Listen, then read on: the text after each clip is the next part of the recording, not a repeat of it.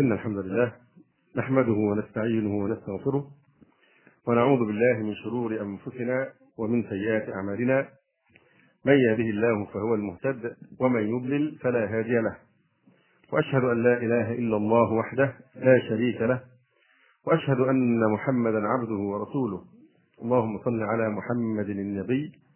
وأزواجه أمهات المؤمنين وذريته وأهل بيته كما صليت على آل إبراهيم إنك حميد مجيد أما بعد فإن أصدق الحديث كتاب الله وأحسن الهدي هدي محمد صلى الله عليه وسلم وشر الأمور محدثاتها وكل محدثة بدعة وكل بدعة ضلالة وكل ضلالة في النار ثم أما بعد فكنا شرعنا الأسبوع الماضي في الكلام على المهانة التي تعرضت لها المرأة في ظل الجاهليتين الجاهلية الأولى ثم الجاهلية آه، الآخرة وتكلمنا عن وضعية المرأة آه، في الجزيرة العربية قبل الإسلام آه، وذكرنا يعني شأن المرأة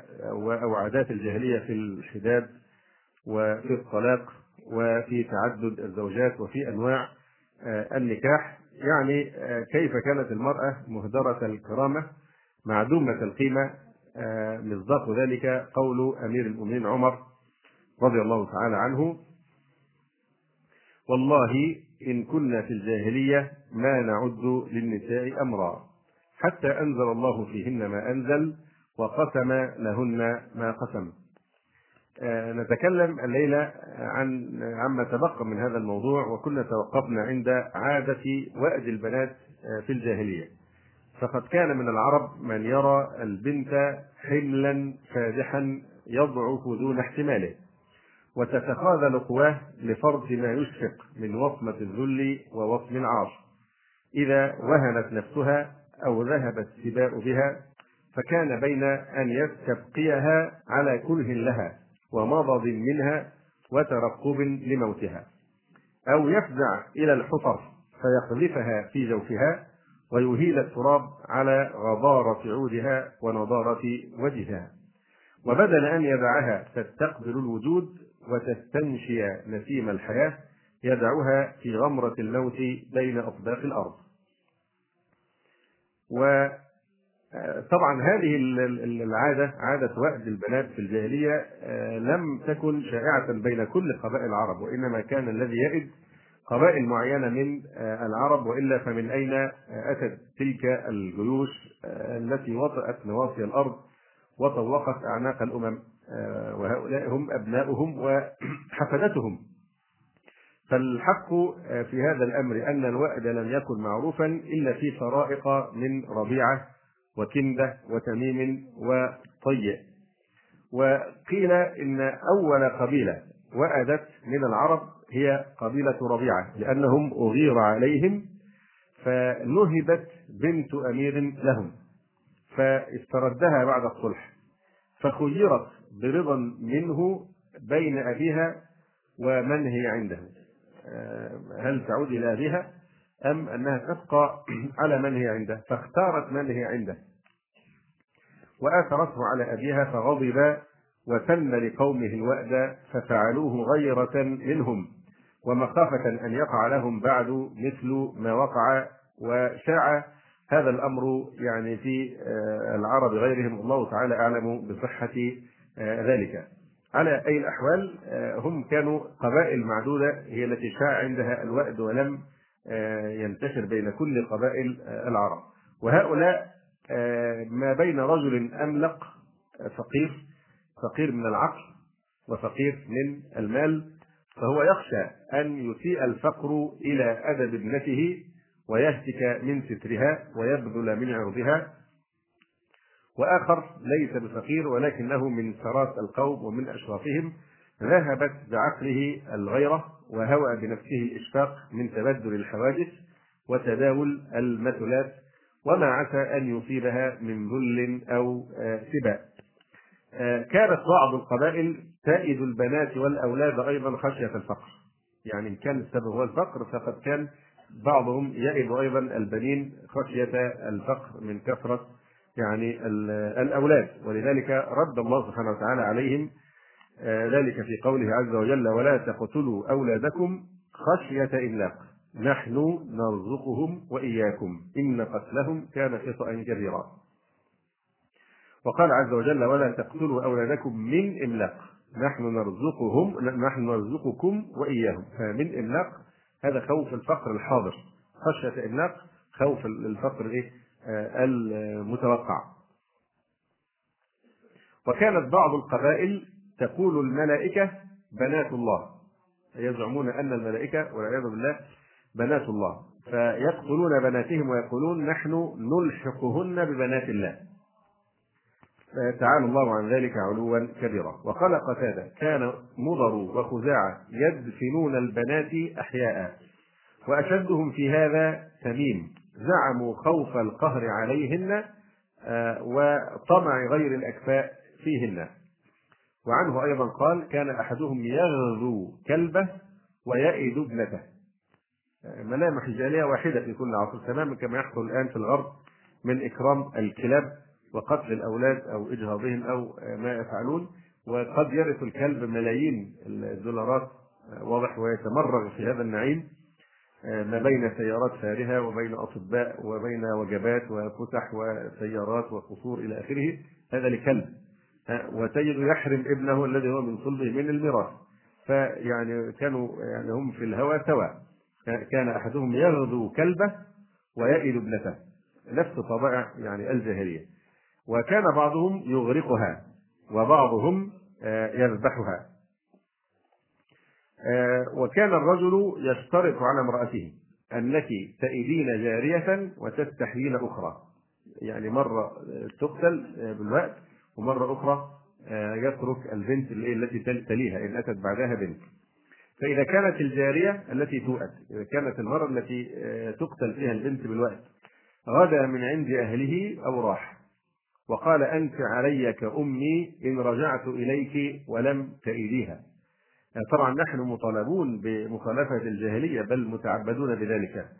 فكل ما من خصائص الجاهلية وخلال الجاهلية ينبغي أن يتنزه عنه آه، المسلمون فالمقصود من هذا كله أن نبين أن من خلال الجاهلية ومن خصال الجاهلية كراهية البنات كراهية البنات هذه صفة من صفات آه، الجاهلية التي لا تليق آه، بمسلم آه، موحد ابدا فكراهيه البنت او بغض البنات هذا من خصائص اهل الجاهليه فهذه من الخصال التي اتى الاسلام ليستأصل شأفتها ويقضي آه، عليها نلاحظ ايضا الظهار هو من افعال الجاهليه انت عليك امي ان رجعت اليك ولم تئذيها واضح فهذا ايضا سلوك لا يليق بالمسلم ان يتشبه باهل الجاهليه ويعيد من جديد موضوع الظهار ويتصور بعض الناس انه ما دام الظهار له كفاره اذا هو جائز لا الظهار مع ان له كفاره لكن ياثم الانسان بهذا الافتراء والكذب على الله سبحانه وتعالى. كان يقول انت علي كامي ان رجعت اليك ولم تئذيها فترسل الى نسوتها فيحفرن لها حفره فيتداولنها بينهن يعني كل واحده ترمي بالبنت الى الاخرى لأن قلبها لا يطيق أن تقوم هي بإلقائها في الحفرة فإذا بصرنا به مقبلا دسسنها في حفرتها سارعنا إلى دسها في الحفرة وسوينا عليها التراب وكانوا في بعض الأحيان يئيدون البنات بقسوة نادرة فقد يتأخر آه، وأد الموؤودة وهي البنت التي تدفن حية لأن الوأد هو الإيه؟ الثقل ولا يؤوده حفظهم يعني لا يكرسه أو لا يدخل عليه حفظهما فالوأد هو آه، الثقل فكأن الموؤودة سميت بذلك لأنها كانت تثقل بالتراب حتى تموت يثقل التراب فوقها إلى أن آه، تموت فكان آه، قد يتأخر وأد الموؤودة لأن أباها كان مسافرا أو مشغولا فلم يكن حاضرا وقت ولادتها فلا يئدها إلا وقد كبرت وصارت تعقل وكان بعضهم يلقي الأنثى من شاهق يعني من فوق الجبال أو الأبنية المتسعة وقد حكوا في ذلك عن أنفسهم آه، مبكيات آه، منها ما روي عن آه، عمر رضي الله عنه قال أمران في الجاهلية أحدهما يبكيني والآخر يضحكني أما الذي يبكيني فقد ذهبت بابنة لي لوادها فكنت أحفر لها الحفرة وتنفض التراب عن لحيته البنت تشفق عليه لأن التراب كان يتجمع على لحيته وهو يحفر لها الحفرة فكنت أحفر لها الحفرة وتنفض التراب عن لحيتي وهي لا تدري ماذا أريد لها فإذا تذكرت ذلك بكيت والأخرى كنت أصنع إلها من التمر وأضعه عند رأسي يحرسني ليلا فإذا أصبحت معافا أكلته فإذا تذكرت ذلك ضحكت من نفسي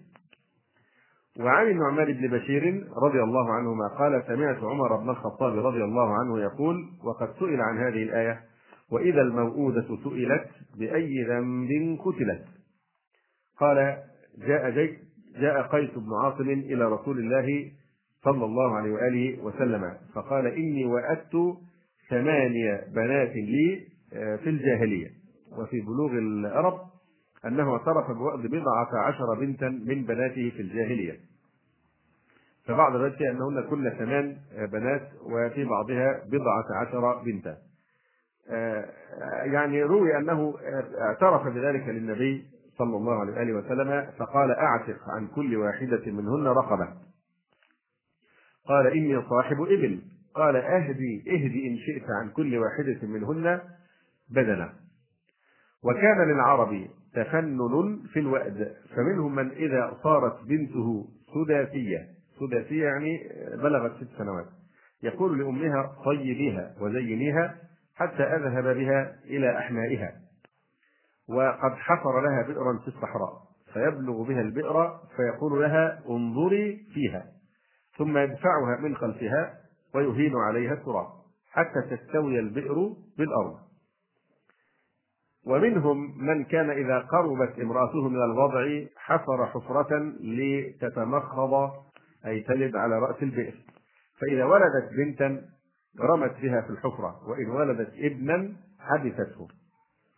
شنع القرآن المجيد على أهل الجاهلية بسبب وأديهم البنات ومهانتها عندهم وصور ذلك أدق تصوير فقال الله سبحانه وتعالى وكذلك زين لكثير من المشركين قتل أولادهم شركاؤهم ليردوهم وليلبسوا عليهم دينهم ولو شاء الله ما فعلوه فذرهم وما يفترون وقال تعالى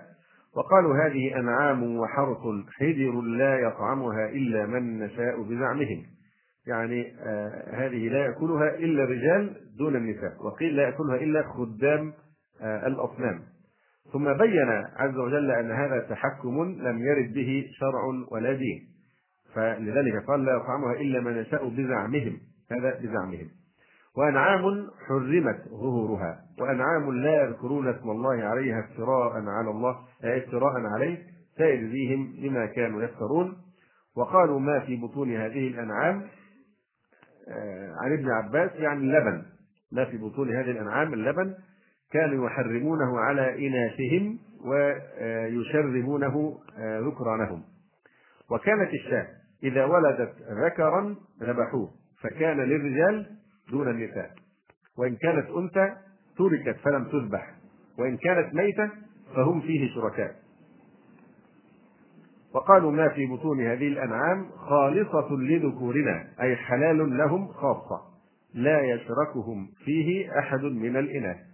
ومحرم على أزواجنا يعني محرم على جنس أزواجنا وهن الإناث طبعا يدخل في ذلك البنات والأخوات ونحوهن وإن يكن ميتة يعني إن كان ذلك آه، آه، حلال للذكور محرم على الإناث آه، ان ولد حيا لكن ان ولد ميتا ف آه، آه، يعني ان ولد ان ولد ميتا فهم يعني الذكور والاناث شركاء فيه فهم فيه اي الذكور والاناث فيه اي مما في بطون هذه الانعام شركاء ياكلون منه جميعا يبقى الميت للاثنين والحي للايه؟ للذكور للاناث سيجزيهم وصفهم انه حكيم عليم ثم يقول تعالى قد خسر الذين قتلوا اولادهم سفها بغير علم لخفة عقولهم وجهلهم بصفات ربهم سبحانه وتعالى وحرموا ما رزقهم الله افتراء على الله قد ضلوا وما كانوا مهتدين قال القرطبي أخبر بخسرانهم لوأدهم البنات وتحريمهم البحيرة وغيرها بعقولهم فقتلوا أولادهم سفها خوف الإملاق وحذروا على أنفسهم في أموالهم ولم يخشوا الإملاق وقال قتادة هذا صنع أهل الجاهلية كان أحدهم يقتل ابنته مخافة السباء والفاقة ويغزو كلبه ومن هنا قال ابن عباس رضي الله عنهما إذا سرك أن تعلم جهل العرب فاقرأ ما فوق الثلاثين ومائة من سورة الأنعام قد خسر الذين قتلوا أولادهم إلى قوله وما كانوا مهتدين وقال عز وجل ويجعلون لله البنات سبحانه ولهم ما يشتهون وإذا بشر أحدهم بالأنثى ظل وجهه مسودا وهو كظيم يعني مع أنهم يكرهون البنات آه، لكنهم نسبوا البنات إلى الله حينما ادعوا أن الملائكة والعياذ بالله بنات الله فيقول الله سبحانه وتعالى اخترتم لي ما تكرهونه لأنفسكم ويجعلون لله البنات سبحانه ولهم ما يشتهون وإذا بشر أحدهم بالأنثى ظل وجهه مسودا وهو كظيم يتوارى من القوم من سوء ما بشر به أيمسكه على هون أم يدسه في التراب ألا ساء ما يحكمون ويجعلون لله البنات يعني ويعتقدون أن لله البنات الإناث وذلك أن خزاعة وكنانة كانوا يقولون الملائكة بنات الله كما قال عز وجل وجعلوا الملائكة الذين هم عباد الرحمن إناثا مع أن الإناث التي جعلوها لله هم يكرهونها لأنفسهم ويأنفون منها كما قال تعالى وإذا بشر أحدهم بالأنثى ظل وجهه مسودا لشدة الحزن والكآبة آه، تسود آه، لون الوجه وهو كظيم أي ممتلئ حزنا وهو ساكت وقيل كظيم أي ممتلئ غيظا على امرأته التي ولدت له الأنثى يعني مع وضوح أن هذه أخلاق هي أخلاق الجاهلية وهذا الموقف من نعمة الله عز وجل أن ربنا وهب له آه، كما قال عز وجل يهب لمن يشاء إناثا ويهب لمن يشاء الذكر فهي هبة الله هدية الله سبحانه وتعالى للإنسان فكيف تقابل نعمة الله ومنة الله وهبة الله بالجحود والنكران بهذه يعني الطريقة فمن الناس من يحيي آه، هذه السنه سنه الجاهليه آه، ليس فقط في كراهيه البنات لكن في موقفه من المراه التي ولدت له هذه البنت كما آه، كما هو هنا على احد وجهي التفسير ظل وجوه واذا بشر احدهم بالانثى ظل وجوه مسودا وهو كظيم وهو كظيم يعني ممتلئ ايه حزنا وغما وهما حتى يسود وجهه من شده الحزن تفسير آخر وهو كظيم يعني وهو ممتلئ غيظا يغلي صدره على هذه المرأة التي ولدت له الأنثى ونسمع حتى الآن نسمع من بعض الجاهليين آه، ممن يعني ينتسبون للإسلام ويحيون سنة الجاهلية في هذا الأمر آه، من يقول المرأة إذا هذه المرأة إذا ولدت أنثى فأنت طالق يطلق يعلق طلقها على أن تلد أنثى هي المرأة ما لها في ذلك من اختيار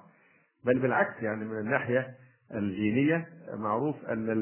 الذي يجعله الله سبحانه وتعالى سببا في ذكورة المولود أو آه، أنوثته هو الرجل المرأة إيه؟ آه، لا تأثير لها على الإطلاق الذي يعني آه، يحدد من الجهة الظاهرية يعني أو الجينية نوع المولود هو الرجل فليعاتب نفسه لا يعاتبها هي كما هو معلوم يعني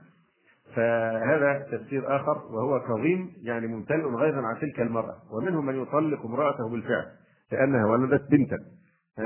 كما سنبين إن شاء الله تعالى يتوارى من القوم من سوء ما بشر به فساد المجتمع بقى ككل وقيم المجتمع الجاهلي وضغط الاجتماع من حوله يتوارى من القوم من سوء ما بشر به يعني هو في حد في نفسه هو آه، كاره لذلك وكاره لنعمة الله بهذه البنت وفي نفس الوقت يخشى من الضغط الاجتماعي حتى انه لا يتوارى فهذا أيضا من ملامح المجتمع المنحرف عن الإسلام والمتشبب بالجاهلية أن يشيع بين أفراد نفس هذه المفاهيم في كراهية آه، الأنثى فإن ذلك جاهلية بغيضة يتوارى من القوم من سوء ما بشر به أن يختفي من أصحابه من أجل سوء ما بشر به لئلا يروا ما هو فيه من الحزن والكآبة أو لئلا يشمتوا به أو يعيروه ويحدث نفسه وينظر يفكر فيقول أيمسكه على هون ماذا أفعل أمامي خياران إما أن أمسك هذه البنت على هون أيمسكه على هون الهاء تعود إلى ما بشر به إلى ما بشر به وهو الأنثى أيمسكها أي الذي بشر به على هون يعني يبقيها لكن يحييها حياة الذل والهوان فقط لأنها أنثى أو لأنها بنت كل جريمتها أنها بنت فتعيش ذليلة فقط لانها آه، بنت آه، يمسكه على هون ام الاحتمال الاخر ام يدسه في التراب يدفنها آه، حيه في التراب يعني بذلك ما كانوا يفعلون بالبنات من الوأد قال العلامة القرآني محمد الأمين الشنقيطي رحمه الله تعالى وما ذكره جل وعلا في هذه الآية الكريمة من بغضهم للبنات مشهور معروف في أفعالهم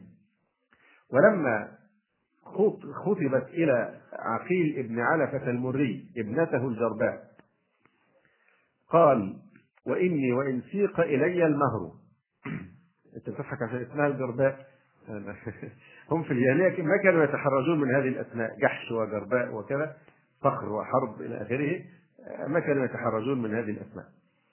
آه، قال وإني وإن سيق إلي المهر ألف وعبدان وذود عشر آه، يعني النوق الغزيرة اللبن يعني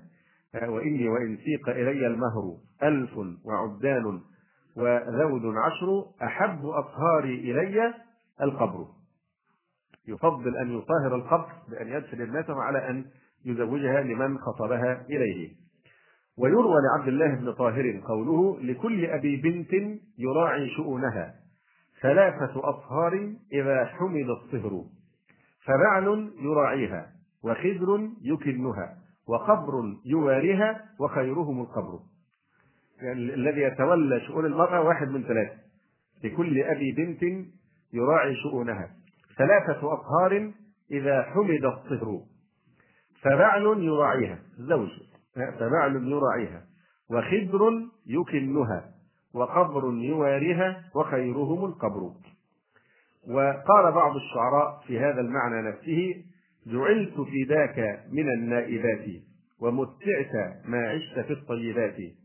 سرران ما لهما ثالث حياة البنين وموت البنات وأصدق من ذين قول الحكيم دفن البنات من المكرمات فهذه النظرة الجاهلية ونحن نفيض في بيانها حتى يفيق آه،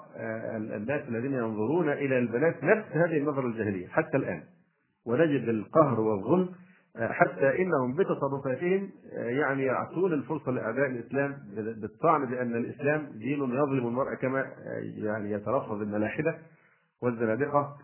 والفئران التي تخرج الان من جحورها والجلدان لتنال في دين الله بلحن القوم لكن كما قلنا المرأة فعلا تخضع لنوع كبير من الظلم لكن هو سببه الانحراف عن الإسلام ولا يمكن أبدا أن يكون يعني في شرع الله سبحانه وتعالى ما يهين المرأة أو يظلمها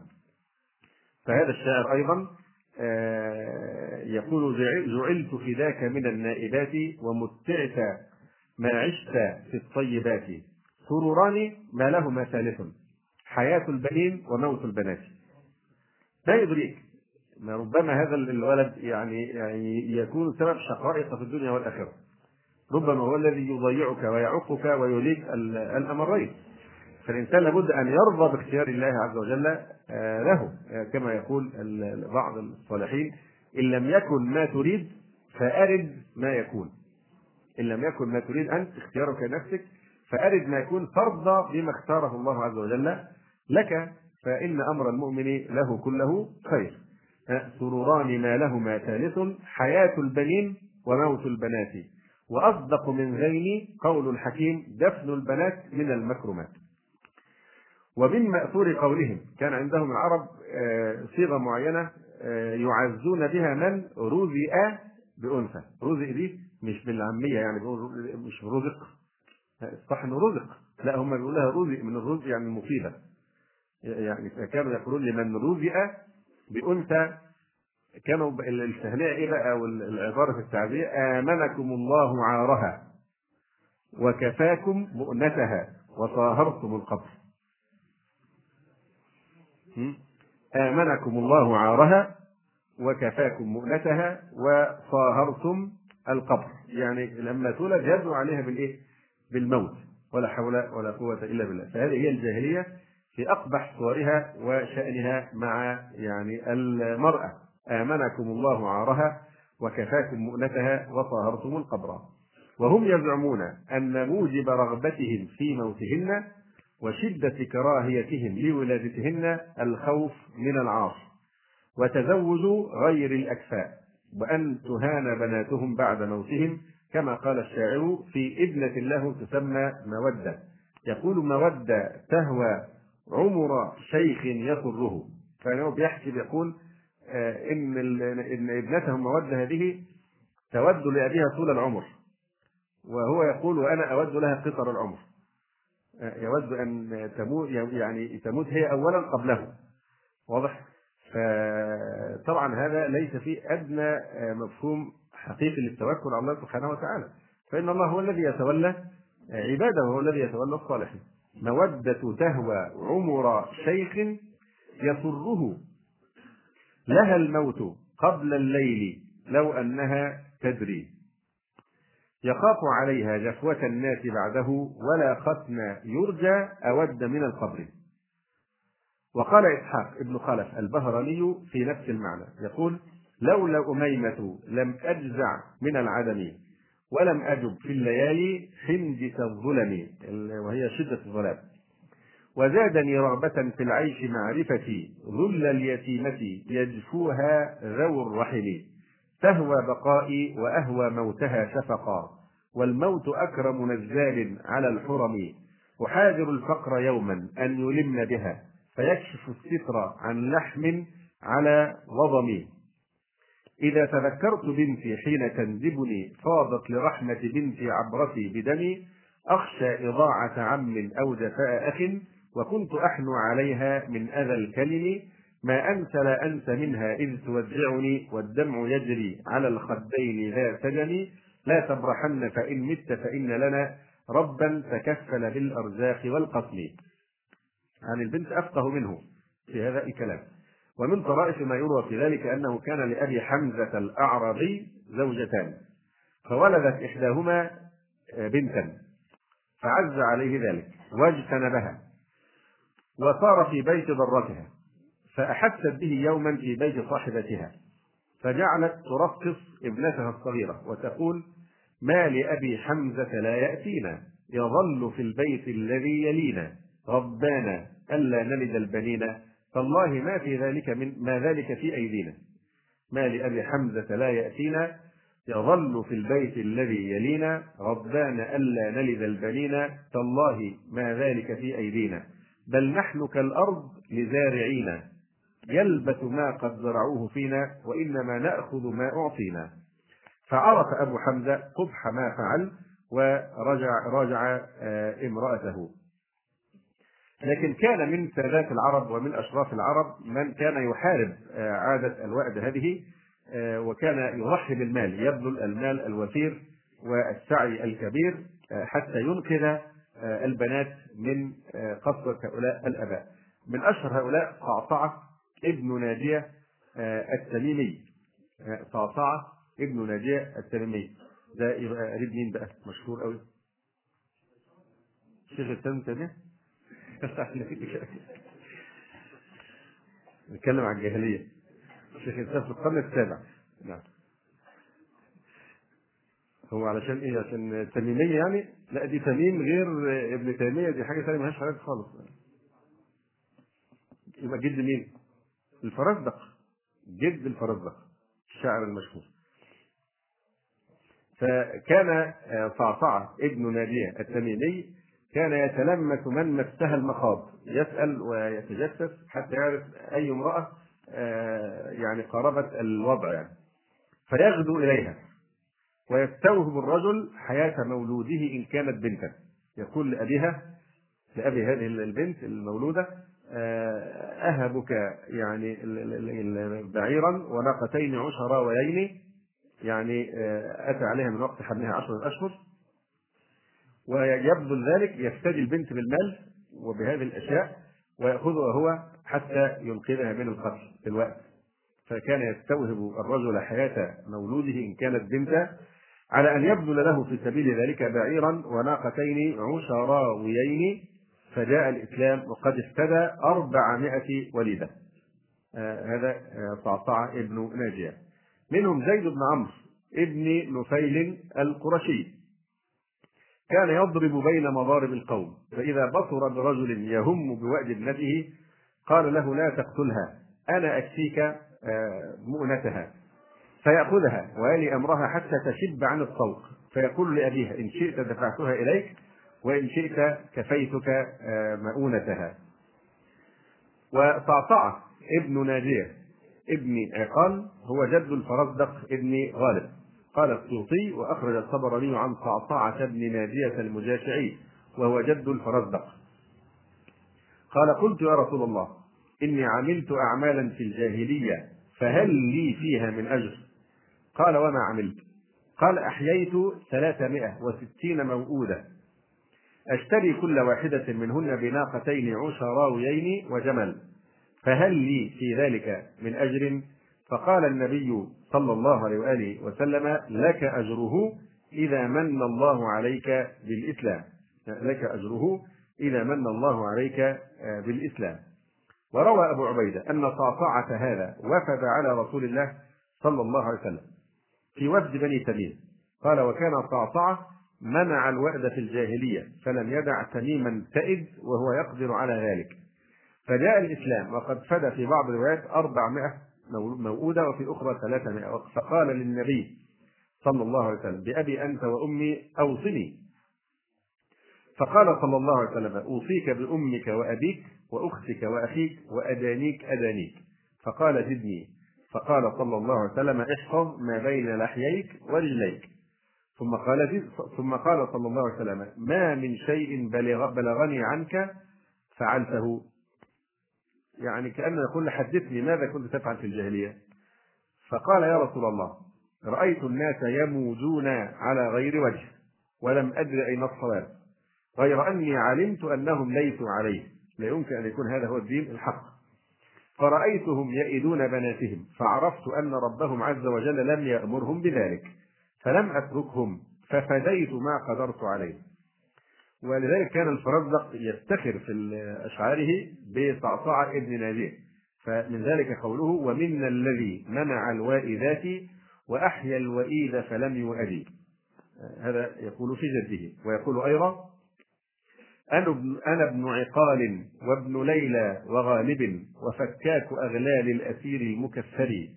وكان لنا شيخان ذو القبر منهما وشيخ أجار الناس من كل مقبر على حين لا تحيا البنات وإذ هم عكوف على الأصنام حول المدور أنا ابن الذي رد المنية فضله وما حسب دافعت عنه بمعوري وما حسب دافعت عنه بمعولي أبي أحد الغيثين صعصعة الذي متى تخلف الجوزاء والنجم يمطر أجار بنات الوائدين ومن يجر على القبر يعلم أنه غير مغفر وفارق ليل من نساء أتت أبي تعالج ريحا ليلها غير مقبل فقالت أجر لي ما ولدت فإنني أتيتك من هزل الحمولة مقتري رأى الأرض منها راحة فرمى بها إلى خدد منها وفي شر محفري فقال لها نامي فأنت بذمتي لبنتك جار من أبيها القنوري مش هقول يعني مين يشرح لنا الشعر ده لكن نمر بسرعة أنا ابن عقال وابن, وابن ليلى وغالبي وفكاك أغلال الأسير المكفر آه، طبعا هذه القصيدة القصيدة مطلعها بني نهشل أبكوا عليكم ولم تروا توابقه حام للذمار مشهره آه، المكفر وفكاك أغلال الأسير المكفر الذي كفر كفر يعني كبل بالحديد وكان لنا شيخان ذو القبر منهما والعياذ بالله ذو القبر يقصد به آه، آه، آه، أباه إيه؟ غالبا أبوه غالب كان يستجار بقبره كان الناس يستجيرون بقبره والعياذ بالله واللاء يقول وكان لنا شيخان ذو القبر منهما يعني كان الناس يستجيرون بايه؟ بقبره هذا غالب وشيخ أجار الناس من كل مقبره الذي أزار الناس من القبر هو إيه الذي أحيا الوئيدة وهو صعصعة ابن ناجية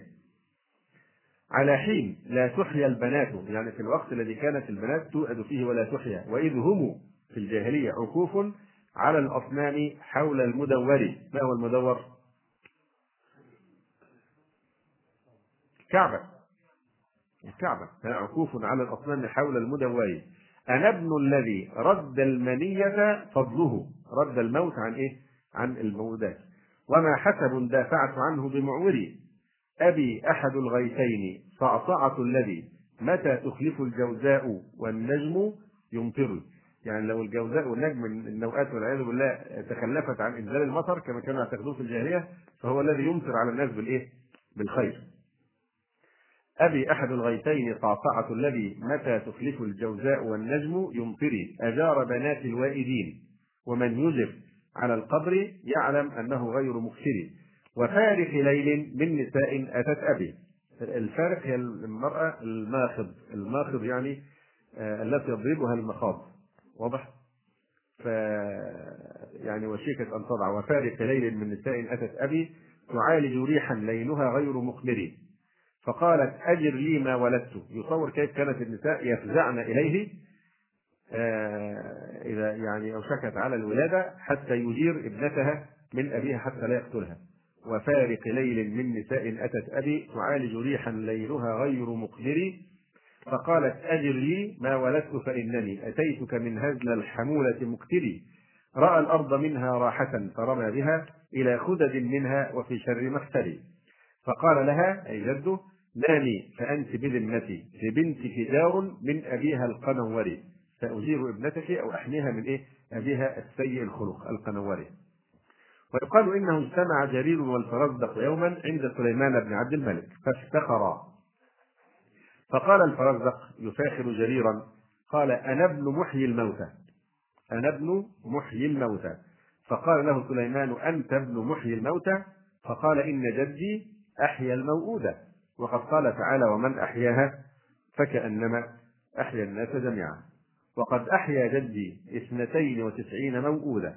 فتبسم سليمان وقال إنك مع شعرك لفقيه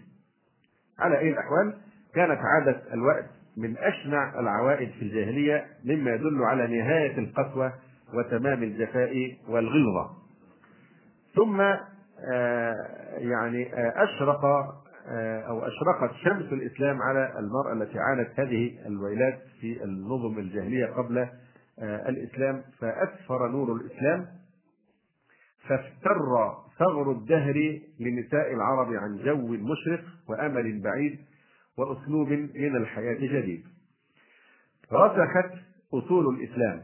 وورثت ظلاله وخفقت على الخافقين أعلامه ونعمت المرأة تحت ظله بوثوق الإيمان ونهلت من معين العلم وضربت بسهم في الاجتهاد وشرع لها من الحقوق ما لم يشرع لأمة من الأمم في عصر من العصور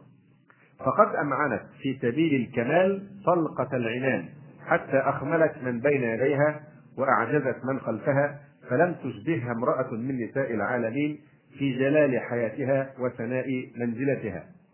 تلك هي المرأة التي وثب بها الإسلام ووثبت به وكان أثرها في تكوين رجاله وتصريف حوادثه أشبه ما يكون بأثر الغدير الهادئ الفياض في زهر الرياض يقول النبي صلى الله عليه وسلم مرسيا القاعدة في وضعية المرأة في الإسلام إنما النساء شقائق رجال إنما النساء شقائق رجال آه، يعني نظائرهم وأمثالهم في الخلق أو في الخلق والطباع فكأنهن شققن آه، من الرجال أما مظاهر تكريم الإسلام للمرأة فمن ذلك أن الإسلام لم يعتبر المرأة جرثومة خبيثة كما اعتبرها الآخرون ولكنه قرر حقيقة تزيل هذا الهوان عنها وهي أن المرأة بين يدي الإسلام قسيمة الرجل إنما النساء شقائق الرجال لها ما لها من الحقوق وعليها أيضا من الواجبات ما يلائم تكوينها وفطرتها وعلى الرجل بما اختص به من شرف الرجولة وقوة الجلد وبسطة اليد واتساع الحيلة أن يلي رياستها فهو بذلك وليها يحوطها بقدرته ويذود عنها بدمه وينفق عنها عليها من كسب يده ذلك ما أجمله الله وضم أطرافه وجمع حواشيه بقوله تباركت آياته ولهن مثل الذي عليهن بالمعروف وللرجال عليهن درجة ولهن مثل الذي عليهن بالمعروف وللرجال عليهن درجة ما هي هذه الدرجة؟ درجة القوامة درجة الرعاية والحياطة لا يتجاوزها إلى قهر النفس وجهود وجحود الحق ليس معنى القوامة الاستبداد أو القهر أو التسلط أو التعسف كما يحصل من بعض الناس ممن لا آه، يحسنون معنى الرجولة يتصور ان الرجوله هي القسوه والغلظه والفظاظه الى اخره ولا يتصور القوامه وهذه الدرجه التي فضل الله الرجال او ميز الرجال بها على النساء هي درجه الحياطه والرعايه والقيام بحقوقهن. قارن الله سبحانه وتعالى بينهما في شؤون الحياه وساوى بينهما في الانسانيه والموالاه وتكاليف الايمان وحسن المثوبه وادخار الاجر وارتقاء الدرجات العلى في الجنه. فنتابع آه، الآن بعض مظاهر المساواة يوجد في الإسلام مساواة بين الرجال والنساء لكنها ليست مساواة مطلقة ليست مساواة آه، مطلقة لكن الأصل كما ذكرنا أن النساء شقائق الرجال ففي الإنسانية النساء والرجال في الإنسانية سواء يقول الله سبحانه وتعالى يا أيها الناس إنا خلقناكم من ذكر وأنثى وجعلناكم شعوبا وقبائل لتعرفوا إن أكرمكم عند الله أتقاكم إن الله عليم خبير ثم إن المرأة قد خلقت من الرجل كما قال الله سبحانه وتعالى يا أيها الناس اتقوا ربكم الذي خلقكم من نفس واحدة وخلق منها زوجها يعني خلق من آدم من ضلع آدم المرأة وخلق منها زوجها وبث منهما رجالا كثيرا ونساء وخلق المرأة نعمة عظيمة ينبغي أن يحمد الرجال ربهم عليها فالمرأة نعمة ليست نقمة كما آه، يصورها آه، الجاهليون كما تكلمنا من قبل يقول الله تعالى ومن آياته ولفظة الآيات في القرآن الكريم لا تستعمل إلا في الأشياء العظيمة التي تتجلى فيها قدرة الله عز وجل وعظمته ورحمته بخلقه ومن آياته أن خلق لكم من أنفسكم آه، من أنفسكم لأن المناسبة هي التي توجد الإيه؟ المودة آه، المحبة عبارة عن مناسبة تناسب وتلاقي بين الأرواح والنفوس فلو كانت المرأة مثلا من الجن والرجل من الإنس آه، لم تكن من أنفسنا فبالتالي لا تحصل الأنس وتزول الوحشة لكن جعل المرأة من أنفسكم إنسان مثلكم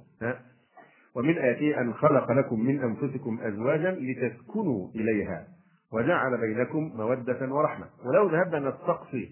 آه، مظاهر آه، هذه الآية في واقع الحياة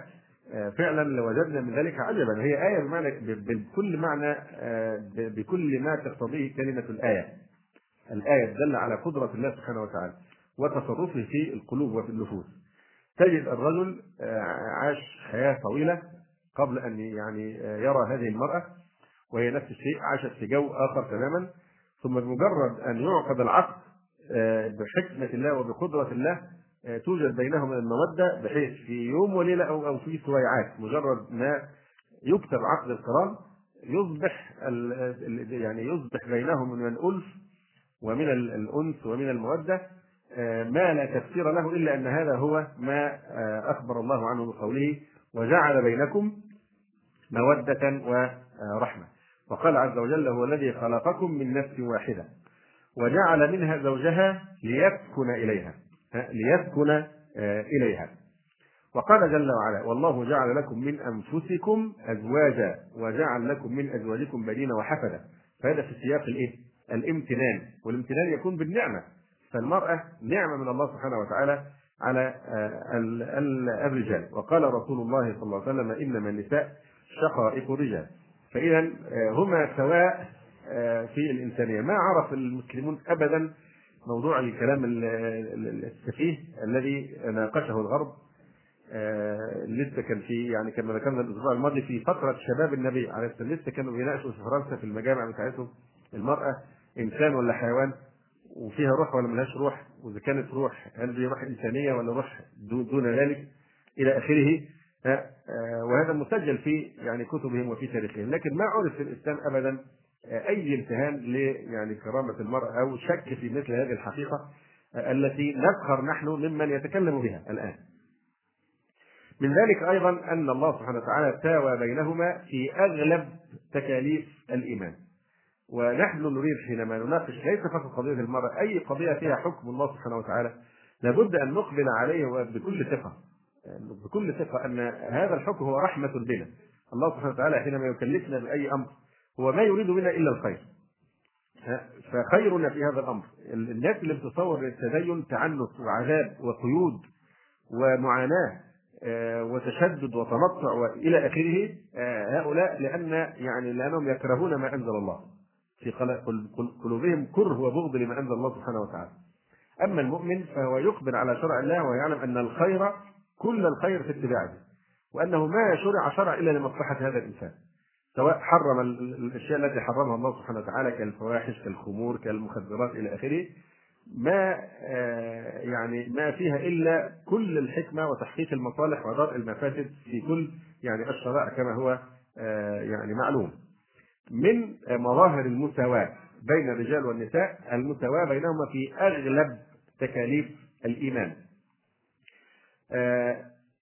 طبعا مناط التكليف هو الأهلية ولكل من الرجل والمرأة أهلية الوجوب وأهلية الأداء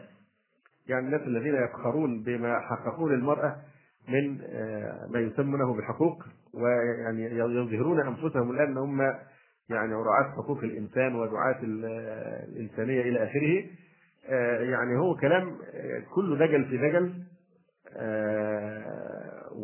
وحتى ما فيه من الحق هم بيتكلموا عليه الآن هذه الأشياء موجودة في الإسلام منذ أكثر من 14 قرنا رد الإسلام للمرأة اعتبارها وإلى عهد قريب كما ذكرنا ما كانوا يعترفون بأهلية المرأة الإسلام منذ أكثر من 14 قرنا فيعترف بأهلية المرأة سواء أهلية الوجوب أو أهلية الأداء ما دام قد تقرر في ذمة كل منهما الواجبات الشرعية فلا تبرأ ذمة كل منهما حتى يؤدي ما عليه من واجبات كما يكون له بمقتضى تلك الأهلية حقوق قبل غيره وضع القرآن الكريم الرجل والمرأة على قدم المساواة في الالتزامات الأخلاقية القيم واحدة الجميع مطالبون بها الالتزامات الأخلاقية والتكاليف الدينية واجب على الجميع الحج الصيام الصلاة وهكذا فالتكاليف الدينية والالتزامات الأخلاقية تجب على آه، الرجل والمرأة على قدر المساواة إلا في حالات مخصوصة خفف الله فيها عن المرأة رحمة بها ومراعاة لفطرتها وتكوينها لأن ذلك السفيه الذي يعتقد المرأة مساواة الرجل من كل الوجوه من كل الوجوه حتى في الواقع نحن ما نلاحظ هذا يعني حتى في الواقع هم يفرقون بالفعل بين الرجل والمرأة المرأة لها وظائفها لا تكوينها والذي ينكر ان هناك فروقا تشريحيه وفسيولوجيه بين الرجل والمراه بين الانسان مجنون ما يعني ينكر الواقع فبلا شك هناك فروق بين الرجل وبين المراه في مجالات معينه وعلى اساس هذه الفروق حصل اختلاف في الوظيفه آه، كما آه، سنبين ان شاء الله تعالى. فالاصل هو تساوي الرجل والمراه كما قلنا في الالتزامات الاخلاقيه والتكاليف الدينيه الا في حالات مخصوصه روعي فيها مصلحه المراه وتكوين المراه وفطرة آه، المرأة وروي فيها الرحمة بالمرأة وعدم المشقة على هذه آه، المرأة أيضا آه، من مظاهر الإيمان المساواة مساواة إيمان النساء مثل إيمان الرجال يتساويان في الإيمان يقول الله تعالى يا أيها الذين آمنوا إذا جاءكم المؤمنات مهاجرات فامتحنوهن الله أعلم بإيمانهن فإن علمتموهن مؤمنات فلا ترجعوهن إلى الكفار وقال عز وجل والذين يؤذون المؤمنين والمؤمنات بغير ما اكتسبوا فقد احتملوا بهتانا واثما مبينا وقال عز وجل آه، إن الذين فتنوا المؤمنين والمؤمنات ثم لم يتوبوا فلهم عذاب جهنم ولهم عذاب الحريق وقال عز وجل فاعلم أنه لا إله إلا الله واستغفر لذنبك وللمؤمنين والمؤمنات والله يتعلم والله يعلم متقلبكم ومثواكم ويقول النبي صلى الله عليه واله وسلم من استغفر للمؤمنين والمؤمنات آه، من استغفر للمؤمنين وللمؤمنات كتب الله له بكل مؤمن ومؤمنة حسنة فمن الخطأ أن بعض الناس آه، تهمل الأدعية العامة الأدعية الشمالية بالعكس الأدعية العامة آه، عظيمة البركة للإنسان لأنك يعني إذا دعوت لنفسك فأنت تدعو لواحد إذا دعوت إخوانك فهي أعداد محدودة لكن إذا دعوت لكل من في بالإيمان بالإيمان من الرجال والنساء انظر إلى الثواب من استغفر للمؤمنين وللمؤمنات كتب الله له بكل مؤمن ومؤمنة حسنة من المجمع عليه المعلوم من دين الإسلام بالضرورة أن على النساء ما على الرجال من أركان الإسلام إلا أن الصلاة تسقط عن المرأة في زمن الحيض والنفاس مطلقا فتتركها ولا تعيدها لكثرتها الصلاة بالذات لا تطالب المرأة بإيه؟ بإعادتها لأنها تتوقف عن الصلاة في فترة الحيض وفي فترة النفاس أما الصيام فيسقط عنها في زمن الحيض والنفاس لكنها تقضي ما أفطرته من أيام رمضان لقلتها لأن هذا لا يتكرر وأما حجها فيصح في كل حال حتى لو كانت حائضا أو نفساء لكنها لا تطوف بالبيت الحرام إلا وهي طاهرة آه، أيضا من مظاهر المساواة المساواة في المسؤولية المدنية آه، في الحقوق المادية الخاصة فاحترم الإسلام شخصية المرأة المعنوية وسواها بالرجل في أهلية الوجوب والأداء وأثبت لها حقها في التصرف ومباشرة جميع العقود كحق البيع وحق الشراء وحق الدائن وحق المدين وحق الراهن وحق الممتهن وحق الوكالة والإجارة والاتجار في المال الخاص وما إلى ذلك وهذه الحقوق كلها آه، حقوق مدنية واجبة النفاذ وأطلق الإسلام للمرأة حرية التصرف في هذه الأمور بالشكل الذي تريده دون أي قيود تقيد حريتها آه، في التصرف سوى القيد الذي يقيد الرجل نفسه فيها وهو ألا تصطدم الحرية بالحق أو بالخير لا تصطدم الحريه بحقوق الاخرين وتتعدى عليها ولا بالايه بالخير بان توقع في نوع من آه، الشر. يقول الله سبحانه وتعالى: للرجال نصيب مما اكتسبوا وللنساء نصيب مما اكتسبوا. جعل لها حق الميراث فقال عز وجل: للرجال نصيب مما ترك الوالدان والاقربون وللنساء نصيب مما ترك الوالدان والاقربون مما قل منه او كثر نصيبا مفروضا. وجعل صدقها ملكا خالصا لها الصداق المهر ملك خالص للمرأة لا يشاركها فيه أحد قال تعالى يا أيها الذين آمنوا لا يحل لكم أن ترثوا النساء كرها ولا تعضلوهن لتذهبوا ببعض ما آتيتموهن والمرأة في تملك هذه الحقوق شأنها أمام الشرع شأن الرجل تماما إذا أحسنت أو أساءت يقول جل وعلا والسارق والسارقة فقطعوا أيديهما جزاء بما كسبا نكالا من الله والله عزيز حكيم وقال عز وجل الزانية والزاني فاجلدوا كل واحد منهما مئة جلدة ولا تأخذكم بهما رأفة في دين الله إن كنتم تؤمنون بالله واليوم الآخر وليشهد عذابهما طائفة من المؤمنين كذلك ساوت الشريعة بينهما في الدماء وقررت أن يقتل الرجل بالمرأة قال جل وعلا ولكم في القصاص حياة يا أولي الألباب وقال عز وجل يا أيها الذين آمنوا كتب عليكم القصاص في القتلى الحر بالحر والعبد بالعبد والأنثى بالأنثى وهذه الآية تبين حكم النوع إذا قتل نوعا يعني الحر إذا قتل حرا يقتل به والعبد بالعبد والأنثى بالأنثى أما النوع الآخر إذا آه، يعني أحد الأنواع إذا قتل النوع الآخر فهي محكمة وفيها إجمال هذا الإجمال بينه قوله تعالى وكتبنا عليهم فيها أن النفس بالنفس يعني سواء رجل قاتل امرأة أو العكس فإيه النفس بالنفس من مظاهر المساواة المساواة في جزاء الآخرة يقول تعالى من عمل صالحا من ذكر أو أنثى وهو مؤمن فلنحيينه حياة طيبة ولنجزينهم أجرهم بأحسن ما كانوا يعملون طبعا هنا آه، يعني فالمخيانة حياة طيبة يحتمل أن تكون آه، في الدنيا ويحتمل أن تكون هذه الحياة الطيبة في الإيه؟ آه، في الآخرة. ما ما علمكم في تفسير هذه الآية؟ إيه الراجح فيها؟ هل الحياة طيبة في الدنيا أم في الآخرة؟ تفضل. لا أنا أقصد بالذات كلمة فلنحيينه حياة طيبة. الدنيا أم الآخرة؟ واللي يقول الدنيا يقول لي نعم نسيتم التفسير برضه نسيتم الكلام ده كرمناه كتير ايام تفسير القران الكريم اتفضل ازاي بقى استعمل بقى الاصطلاح الذي اريدك ان تقوله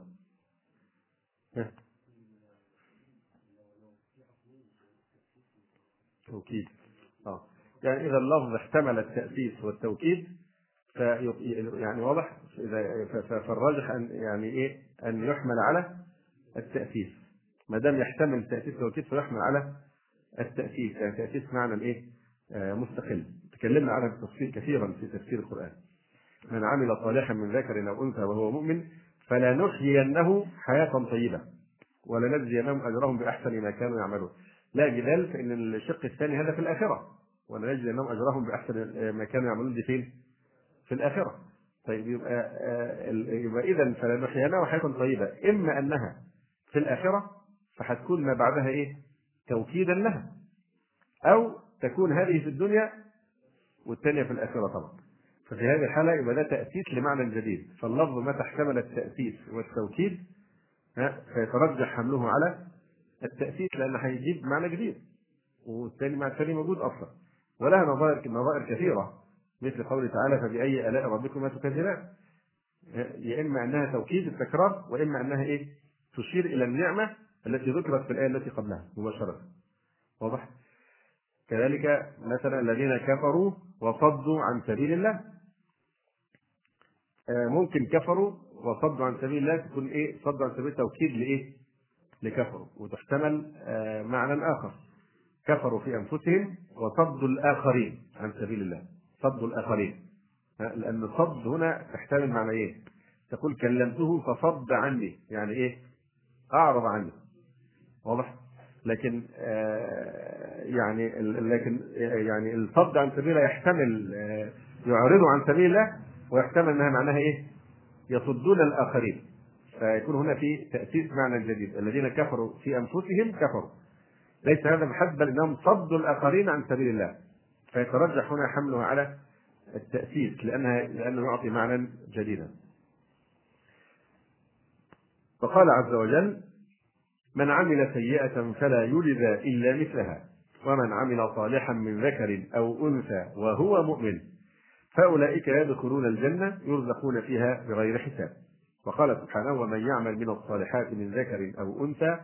وهو مؤمن فأولئك يدخلون الجنة ولا يظلمون نقيرا وقال عز وجل في أولي الألباب الذين يذكرون الله كثيرا ويتفكرون في خلق السماوات والأرض ويدعونه فاستجاب لهم ربهم أني لا أضيع عمل عامل منكم من ذكر أو أنثى بعضكم من بعض أي نعم وعن أم سلمة رضي الله تعالى عنها قالت يا رسول الله لا أسمع الله ذكر النساء في الهجرة بشيء فأنزل الله عز وجل فاستجاب لهم ربهم أني لا أضيع عمل عامل منكم من ذكر أو أنثى بعضكم من بعض إلى قوله تعالى والله عنده حسن الثواب وقال الزمخشري في تفسير هذه الآية أي بجميع ذكوركم وإناثكم أصل واحد بعضكم من بعض فكل واحد منكم من الآخر أي من أصله أو كأنه منه لفرط اتصالكم واتحادكم وتأمل كيف أكد القرآن العظيم هذا المبدأ مبدأ المساواة في جزاء الآخرة الرجل والمرأة سواء بسواء فقال تعالى إن المسلمين والمسلمات والمؤمنين والمؤمنات والقانتين والقانتات والصادقين والصادقات والصابرين والصابرات والخاشعين والخاشعات والمتصدقين والمتصدقات والصائمين والصائمات والحافظين فروجهم والحافظات والذاكرين الله كثيرا والذاكرات أعد الله لهم مغفرة وأجرا عظيما فسوى الله سبحانه وتعالى بين الزوج والزوجة والابن والبنت والعبد والأمة في هذه الصفات الجميلة وما زال السلف رضوان الله عليهم على هذا المنهاج تجد أولادهم ونساءهم وعبيدهم وإماءهم في غالب أمرهم مشتركين في هذه الفضائل كلها آه، نجد أن البيت الملتزم أو المسلم نجد أن أهله يتصفون كلهم بهذه الصفات في الغالب ليه؟ لأنه يعني بعضهم من بعض بعضهم إيه أو تكون ذرية بعضها من بعض آه، الإسلام والإيمان والقنوت والصدق والصبر والصبر والخشوع والصدقة والصوم والحفظ الفروج وذكر الله سبحانه وتعالى ف آه، يعني وعن ام عماره الانصاريه رضي الله عنها قالت اتيت رسول الله صلى الله عليه وسلم فقلت ما ارى كل شيء الا للرجال وما ارى النساء ينكرن بشيء فنزلت ان المسلمين والمسلمات الى قوله اعد الله لهم مغفره واجرا عظيما. وعن ام المؤمنين ام سلمه رضي الله عنها قالت: قلت للنبي صلى الله عليه وسلم: ما لنا لا نذكر في القران كما يذكر الرجال. قالت فلم يرعني منه أي لم يفزعني ويفاجئني يومئذ إلا ورداؤه على المنبر قالت وأنا أسرح شعري فلففت شعري ثم خرجت إلى حجرة من حجر بيتي فجعلت سمعي عند الجليد يعني آه، سمعي عند الجليد الجليد كان إيه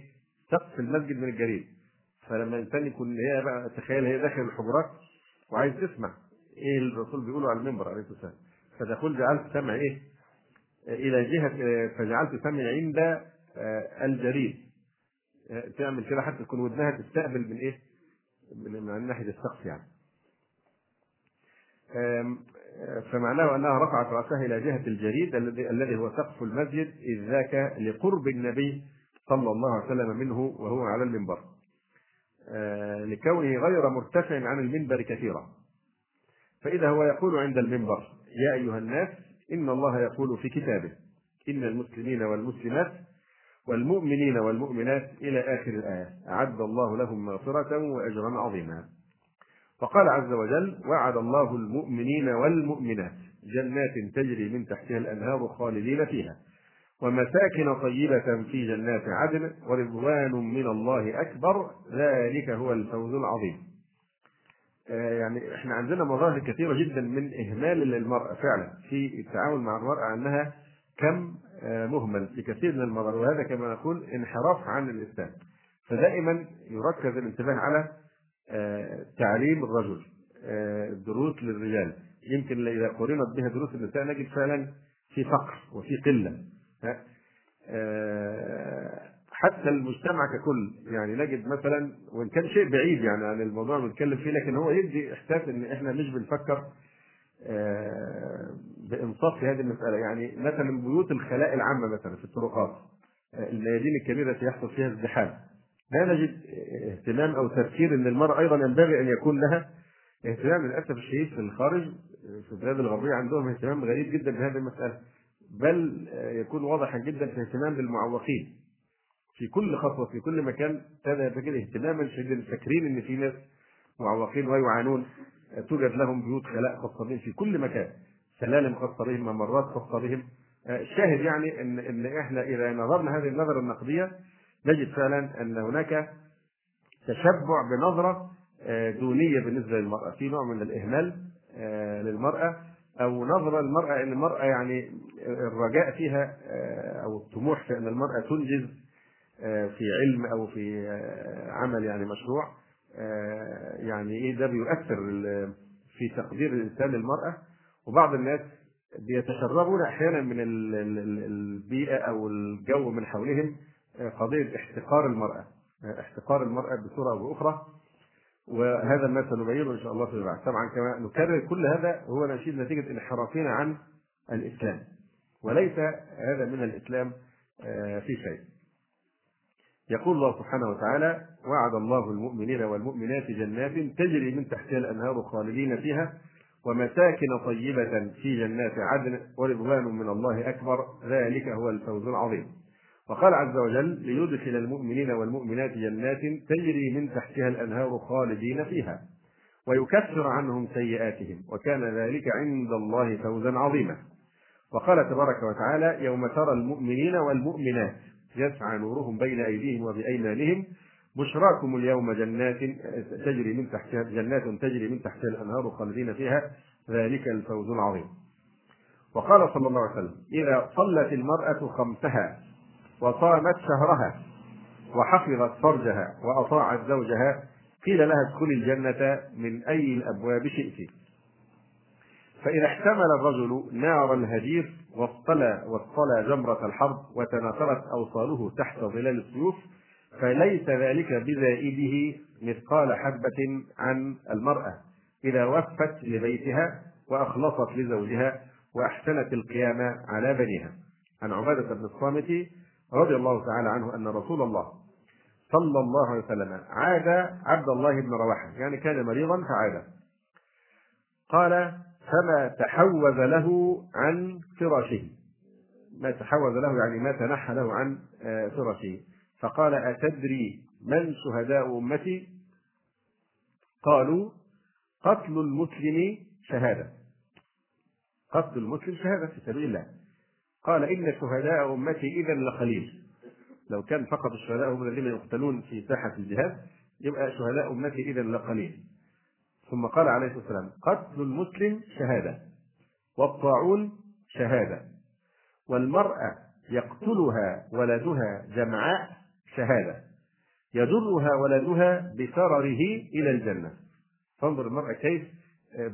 بجهادها وتحملها حتى لو قتلت واثناء اقصد لو آه، ماتت يعني اثناء آه، الولاده قتل المسلم شهاده والطاعون شهاده والمرأة يقتلها ولدها جمعاء يعني آه، تموت وفي بطنها الايه؟ آه، المولود آه، شهادة يجرها ولدها بثرره إلى الجنة ثرره المقصود به إيه؟ يعني ما يتبقى بعد القطع مما تقطعه القابلة الحبل السر يعني فيكون هذا متدليا منه يوم القيامة آه، يجرها آه، بسرره الى الجنه يعني تمسك في هذا السرر وهو يجرها الى داخل آه، الجنه وكما في الحديث الاخر صغارهم دعاميص الجنه الدعاميص جمع دعموس وهو الدويبه زي ابو ذنيبه ده الصغير الدقيق الذي يكون في الماء ده الدعاميص فيشير الرسول عليه السلام الى ان الاولاد الصغار الذين يموتون في حياه ابائهم وامهاتهم ينفعون ابنائهم يوم القيامه وهذه من فضائل الزواج انه يكون سببا لحصول هذه الفضيله لبعض الناس ان يموت الابن في حياه ابيه وامه ويقدر على ذلك صغارهم دعاميق الجنه يتلقى احدهم اباه فياخذ على باب الجنه فيأخذ بصنفة ثوبه كما آخذ أنا بصنفة ثوبك هذا فلا ينتهي به حتى يدخله الجنة يجرجره حتى يدخله الجنة فالشاهد يعني انظر كيف سوى الرسول عليه والسلام بين درجة في درجة الشهادة بين الذي يقتل في سبيل الله وبين المرأة إذا آه، ماتت بسبب الايه الحمل مثلا او مات المولود آه، ماتت والمولود ايه يعني في آه، بطنها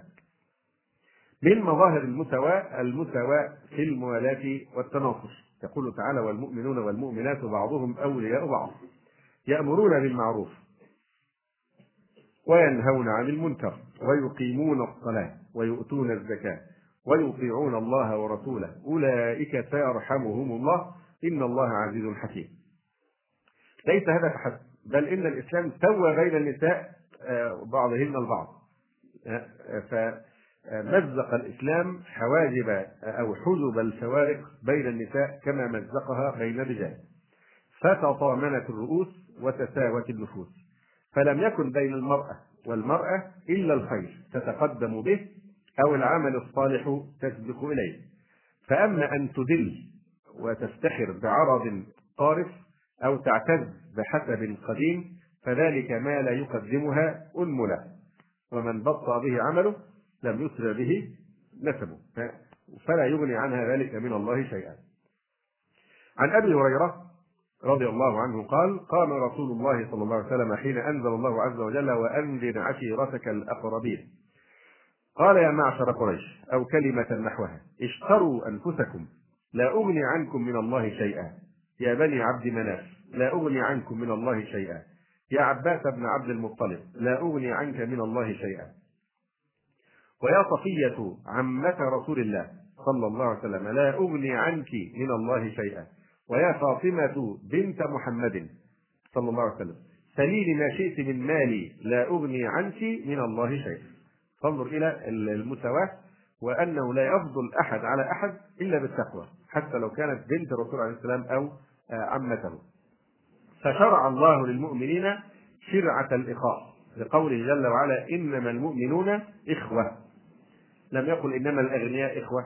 آه، انما ذوي الاحساب اخوه وانما جعل مناط الاخوه هي اخوه الايمان انما المؤمنون اخوه فلم يكن يفرق بين المسلمة والمسلم ولا بين المسلم والمسلمة إلا شريف الخلق وخفيفه فذلك حيث يقول الله تبارك حكمته في كتابه الكريم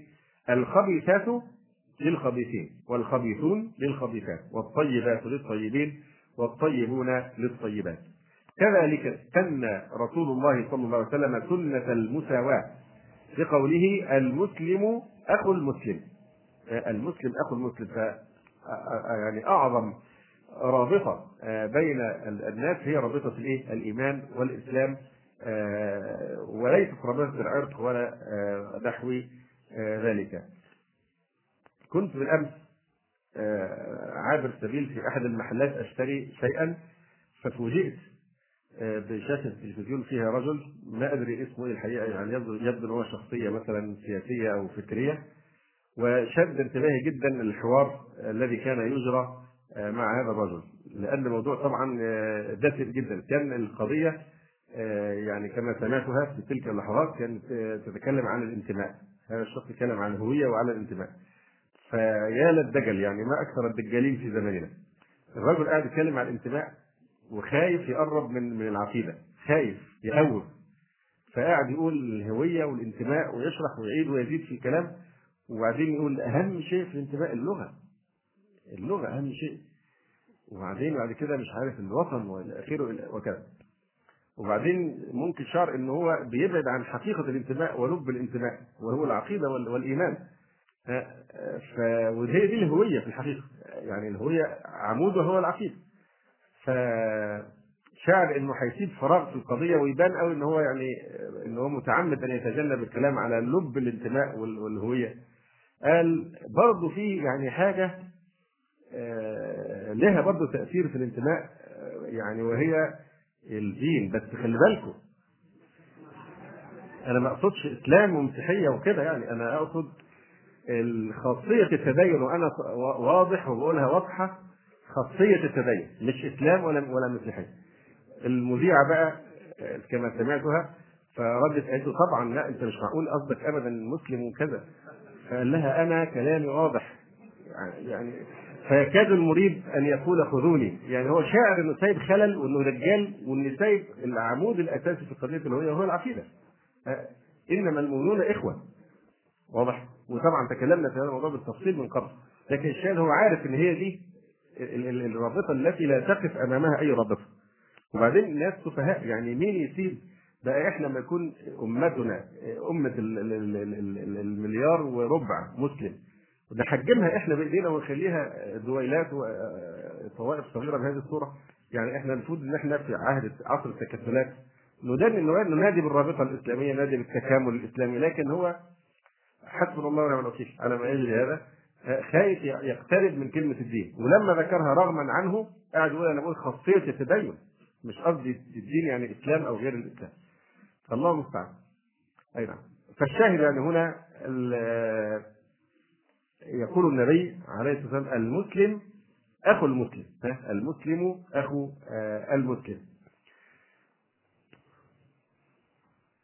وهو الذي يقول صلى الله عليه واله وسلم كل نسب وصهر ينقطع يوم القيامه الا نسبي وصهري كل نسب وصهر ينقطع يوم القيامة إلا نسبي وصهري ولا أدل على ما نقول من حديث فاطمة بنت الأسود المخزومية وهي امرأة من ذوات الشرف والحسب في قريش وهنت نفسها فسرقت فقامت عليها البينة ووجب عليها الحد فأهم ذلك قريشا امرأة شريفة من شريفات قريش وفعلت هذا الفعل فقالوا من يكلم هذه الوصفة من يكلم رسول الله صلى الله عليه وسلم ومن يجترئ عليه إلا أسامة بن زيد حب رسول الله صلى الله عليه وسلم فكلم رسول الله صلى الله عليه وسلم فتلون وجه رسول الله صلى الله عليه وسلم وقال أتشفع في حد من حدود الله فقال أسامة استغفر لي يا رسول الله فلما كان بالعشي قام فاختطب فأثنى على الله بما هو أهله ثم قال أما بعد فإنما أهلك الذين من قبلكم أنهم كانوا إذا سرق فيهم الشريف تركوه وإذا سرق فيهم الضعيف أقاموا عليه الحد وأيم الله لو أن فاطمة بنت محمد حتى ما يقول فاطمة ده بيجيب النسب حتى يؤكد أنها بنت رسول الله صلى الله عليه وسلم وأيم الله لو أن فاطمة بنت محمد سرقت لقطعت يدها واضح آه، والا كما قال تعالى ولا تاخذكم بهما رافه في دين الله في نهي عن الرافه في دين الله ان تشفق على الانسان آه، وتضيع حكم الله سبحانه وتعالى سواء في الشفاعه في حد من الحدود آه، الاب الذي يشفق على اولاده يقول ما رضيتش اصحيهم الفجر عشان الجو برد هذه رأفة في دين الله وهذا مما يذم ليس مما يحمد ولا تأخذكم بهما رأفة في دين الله إن كنتم تؤمنون بالله واليوم الآخر ما رضيتش أنهاه آه، عن المنكر فلا يحسن يزعل آه، ويأخذ على خاطره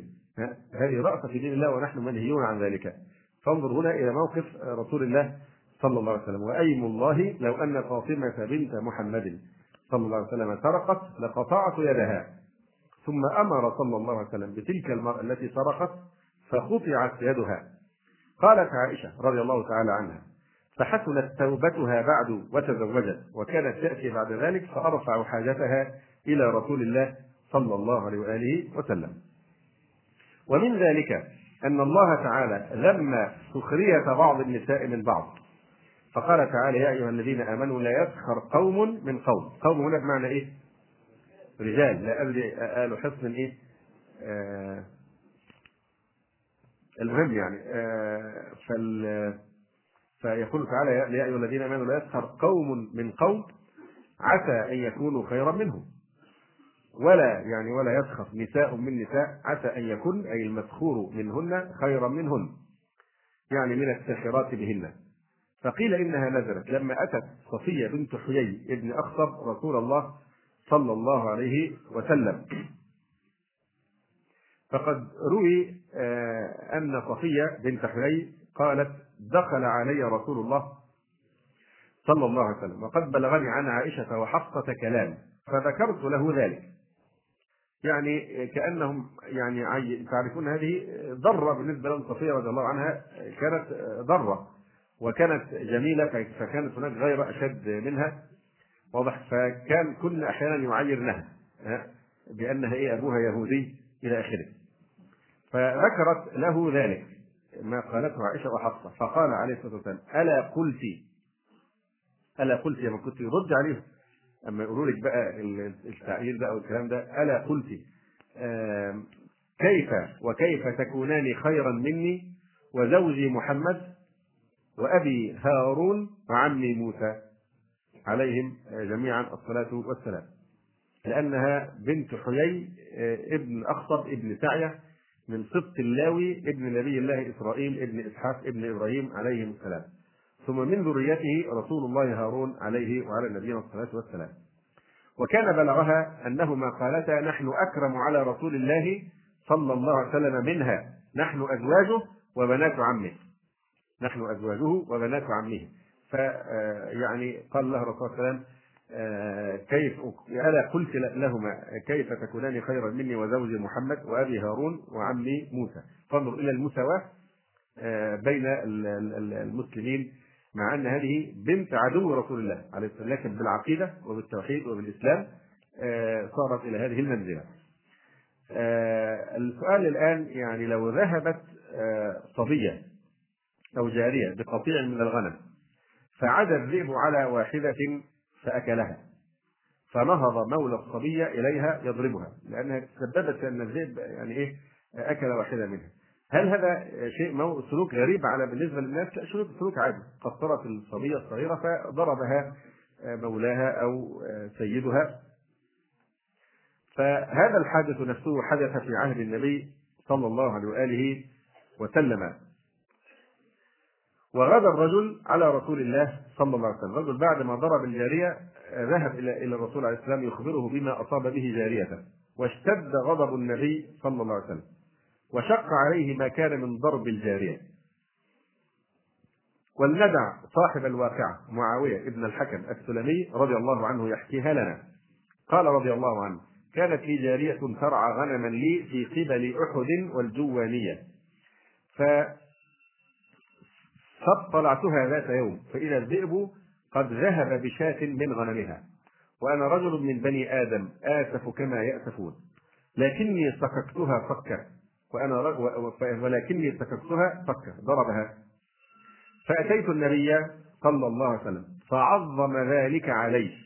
يعني عنفني بشدة تعنيفا عظيما وشديدا كيف تضرب هذه الجارية فقلت يا رسول الله أفلا أعتقها قال ائتني بها فأتيته بها فقال لها أين الله فقالت في السماء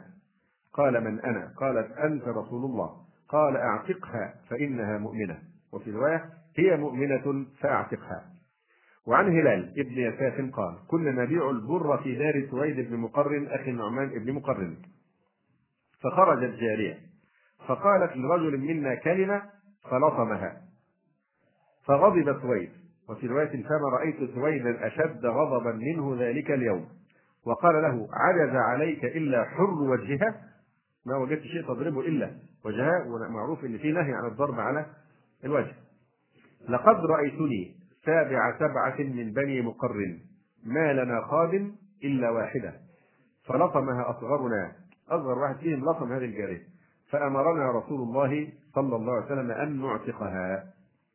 وكان أشد أو كان من أشد ما يؤلم نفسه الكريمة صلى الله عليه وآله وسلم أن يسمع الرجل يعير الرجل بأمه كان يغضب جدا إذا سمع هذا السلوك الجاهلي أن الرجل يعير بإيه؟ لأمه وآية ذلك ما حدث المعرور بن سويد قال لقيت أبا ذر بالربذة مكان بينه وبالمدينة ثلاث مراحل لقيت أبا ذر بالربذة وعليه حلة وعلى غلامه حلة فسألته عن ذلك فقال إني سابقت رجلا فعيرته بأمه وكانت أمه أعزمية آه، فنلت منها وفي رواية قلت له يا ابن السوداء فقال لي النبي صلى الله عليه وسلم يا أبا ذر أعيرته بأمه إنك امرؤ فيك جاهلية إخوانكم خوانكم وهم حكم الرجل وأتباعه آه، مأخوذا من التخويل وهو التمليك أو الرعاية إخوانكم خوانكم جعلهم الله تحت أيديكم فمن كان أخوه تحت يده انظر إلى التعبير فمن كان أخوه تحت يده جعل يعني الخادم أو حتى العبد أو الأمة آه، أخا لك في الإسلام وفي الإيمان فمن كان أخوه تحت يده فليطعمه مما يأكل وليلبسه مما يلبس ولا تكلفوهم ما يغلبهم فإن كلفتموهم فأعينوهم ومن مظاهر رفقه صلى الله عليه وآله وسلم ورحمته بالنساء ما رواه سعد بن أبي وقاص رضي الله عنه قال استأذن عمر على النبي صلى الله عليه وسلم وعنده نسوة من قريش يكلمنه وفي رواية يسألنه ويستكثرنه عالية أصواتهن على صوته فلما استأذن عمر قمن يقتدرن الحجاب أول ما سمعوا صوت عمر بيستأذن هربنا واختبأنا فأذن له النبي صلى الله عليه وسلم فدخل عمر والنبي صلى الله عليه وسلم يضحك فقال عمر أضحك الله سنك بأبي وأمي آه، طبعا هو هنا الدعاء ليس دعاء بكثرة الضحك بل دعاء بلازم كثرة الضحك وهو آه، السرور أو نفي لازمه وهو الإيه؟ الحزن أضحك الله سنك بأبي وأمي قال عجبت من هؤلاء اللاتي كن عندي فلما سمعنا صوتك ابتدرنا الحجاب تسابقنا واختبأنا وراء الحجاب قال عمر فأنت يا رسول الله لأحق أن يهبنا ثم قال عمر أي عدوات أنفسهن أتهبنني ولا تهبن رسول الله صلى الله عليه وسلم قلنا نعم أنت أفض وأغلظ من النبي صلى الله عليه وآله وسلم طبعا أفض وأغلظ هنا لا يفهم منها وصف الرسول عليه السلام بالإيه بالغلظة حاشا لله حاشاه عليه الصلاه والسلام لكن القرآن القرآن نفى عن الرسول عليه والسلام هذه الصفة بالذات فقال الله عز وجل ولو كنت فظا غليظ القلب لانفضوا من حولك غير أن النبي عليه الصلاة والسلام كان يغضب لله في بعض الأحوال كإنكار المنكر مثلا وكان عليه الصلاة والسلام لا يوجه أحدا بما يكره إلا في حق من حقوق الله تعالى وكان عمر رضي الله عنه يبالغ في الزجر عن المكروهات مطلقا وطلب المندوبات ولذلك قال لهم نسوة أنت أفظ وأغلظ من النبي صلى الله عليه وسلم فقال رسول الله صلى الله عليه وسلم إيه يا ابن الخطاب إيه يا ابن الخطاب آه، والذي نفسي بيده ما لقيك الشيطان تالكا فجا إلا سلك فجا غير فجك آه، إلا سلك وهذا رواه آه، البخاري ومسلم ومن مظاهر رفق رسول الله صلى الله عليه واله وسلم بالنساء انه وقف يبايعهن على ان ياتمرن باوامر الله ويجتنبن نواهيه فقال النبي صلى الله عليه وسلم فيما استطعتن واثقتن يعني مع ان البيعه مطلقه لكنه كان يقيد بقوله فيما استطعتن واثقتن يشترط ان تكون في ايه في حدود الاستطاعه والطاقه فكان كنا يرزقنا ويقولن الله ورسوله ارحم بنا من انفسنا فانظر الى منطق الايمان ان الله سبحانه وتعالى ما كان ليكلفنا بشيء هو إيه فوق طاقتنا انظر الى ادب العبوديه انظر الى يعني النساء وبعض النساء في هذا الزمان اذا كلمتها عن حكم آه، شرعي التأفف الجدل الاعراض الاستكبار آه، الى ايراد الشبهات ف وصور الحجاب مثلا كمثال ان الحجاب ده عذاب يعني عذاب شديد آه، وانه معاناه وانه كذا وكذا والامر ايسر من ذلك بكثير قانون الايمان الله ورسوله ارحم بنا من انفسنا ما دام الله امرنا بذلك فهو الخير لنا وانتهت القضيه بايه بمنطق الايمان بهذه الصوره توقف يبيعهن على ان ياتمرنا بأوامر الله ويجتنبن نواهيه فقال صلى الله عليه وسلم فيما استطعتن وأطقتن فقلنا الله ورسوله أرحم بنا من أنفسنا الله ورسوله أرحم بنا من أنفسنا ومن ذلك أيضا تحريم قتل النساء في الحروب فقد حرم الشرع الشريف قتل النساء والأطفال والشيوخ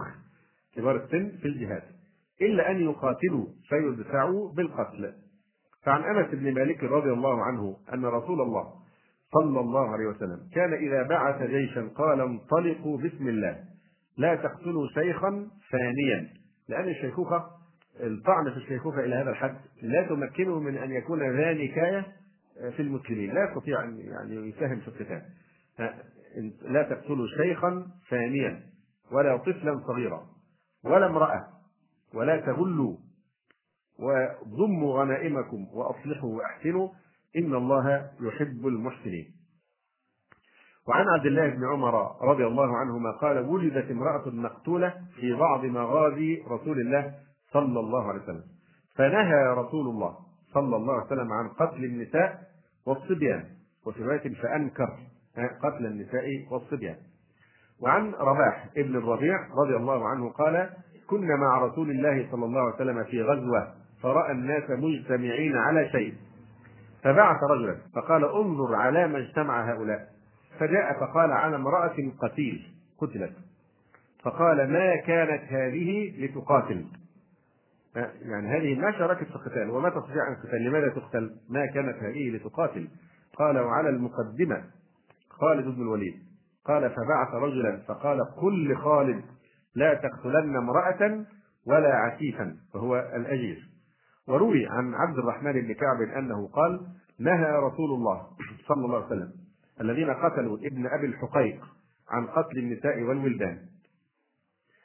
قال فكان رجل منهم يقول ضرحت بنا امرأة ابن أبي الحقيق بالصياح يعني المرأة لما كانوا آه، ذهبوا ليقتلوا ذلك الرجل اليهودي آه، برحت صرخت بالصياح فأرفع السيف عليها يريد أن يتم المهمة ولا يصطلح فأرفع السيف عليه ثم أذكر نهي رسول الله صلى الله عليه وسلم فأكف أكف عن القتل ولولا ذلك لاسترحنا منها فدل على التزامهم بأمر النبي عليه السلام أو نهيهم آه، آه، عن قتل النساء من ذلك أيضا آه، معاملة الحائض في السنة الشريفة فعن أم المؤمنين عائشة رضي الله تعالى عنها قالت كنت أشرب من الإناء وأنا حائض ثم أناوله النبي صلى الله عليه وسلم فيضع فاه على موضع في وفي رواية كنت أتعرق العرق وأنا حائض والعرق هو العظم عليه بقية من اللحم العظم عليه بقية من اللحم كنت أتعرق العرق يعني آكل هذا اللحم المتبقي على العظم وأنا حائض فأعطيه رسول الله صلى الله عليه وسلم فيضع فمه في الموضع الذي وضعت فمي فيه وكنت أشرب من القدح فأناوله إياه فيضع فمه في الموضع الذي كنت أشرب آه، طبعا هذا فيه فقه يعني انها امراه حائض سبق ان تكلمنا كيف كان وضع الحائض بالذات عند اليهود والعنف والشده في التعامل معها وعزلها الى اخره لكن انظر الى التشريع هنا وهذه المجامله من النبي عليه الصلاه والسلام وتودده الى آه، عائشه رضي الله عنها. وفي روايه للنسائي عن شريح آه، شريح بن هانئ انه سالها هل تأكل المرأة مع زوجها وهي طامس؟ تأكل المرأة مع زوجها طامس يعني وهي آه، حائض؟ فقالت نعم كان رسول الله صلى الله عليه وسلم يدعوني فآكل معه وأنا عارك عارك يعني حائض وكان يأخذ العرق فيقسم علي فيه فآخذه فأتعرق منه ويضع فمه حيث وضعت فمي من العرق ويدعو بالشراب فيقسم علي فيه قبل أن يشرب منه فآخذه فأشرب منه ثم أضعه فيأخذه فيشرب منه ويضع فمه حيث وضعت فمي من القدح وعن عبد الله بن سعد الأنصاري رضي الله تعالى عنه قال سألت النبي صلى الله عليه وسلم عن مواكلة الحائض فقال واكلها كل معها وعن عائشة رضي الله عنها قالت كان رسول الله صلى الله عليه وسلم يخرج إلي رأسه من المسجد وهو مجاور أي معتكف فأغسله وأنا حائض وعنها رضي الله عنها قالت إن النبي صلى الله عليه وسلم كان يتكئ في حجري وأنا حائض فيقرأ القرآن وعنها رضي الله عنها قالت قال لي رسول الله صلى الله عليه وسلم ناولي الخمرة من المسجد والخمرة حصير صغير مبصور من ليف أو غيره بقدر الكف آه، ناولين الخمرة من المسجد قالت قلت إني حائض قال إن حيضتك إن حيضتك ليست في يدك فهذا كله من سماحة هذه الشريعة الحنيفية آه، السمحة ولئن قرن الإسلام آه، بين الرجل والمرأة في عامة المواطن لكنه عرف لها أيضا نصيبها من رقة القلب ودقة الوجدان وأنها مناط شرف الرجل وموطن عرضه فاختصها بنصيب وافر من الحرمة والكرامة فكرامة المرأة في الإسلام تتناول شخصها وسيرتها وتشمل مشهدها ومغيبها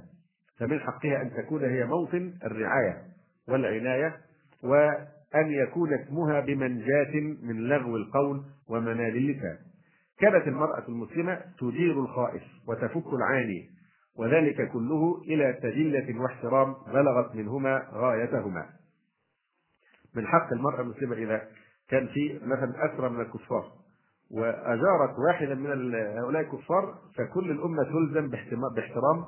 آه، هذا الجوار أي امرأة مسلمة أو أي رجل مسلم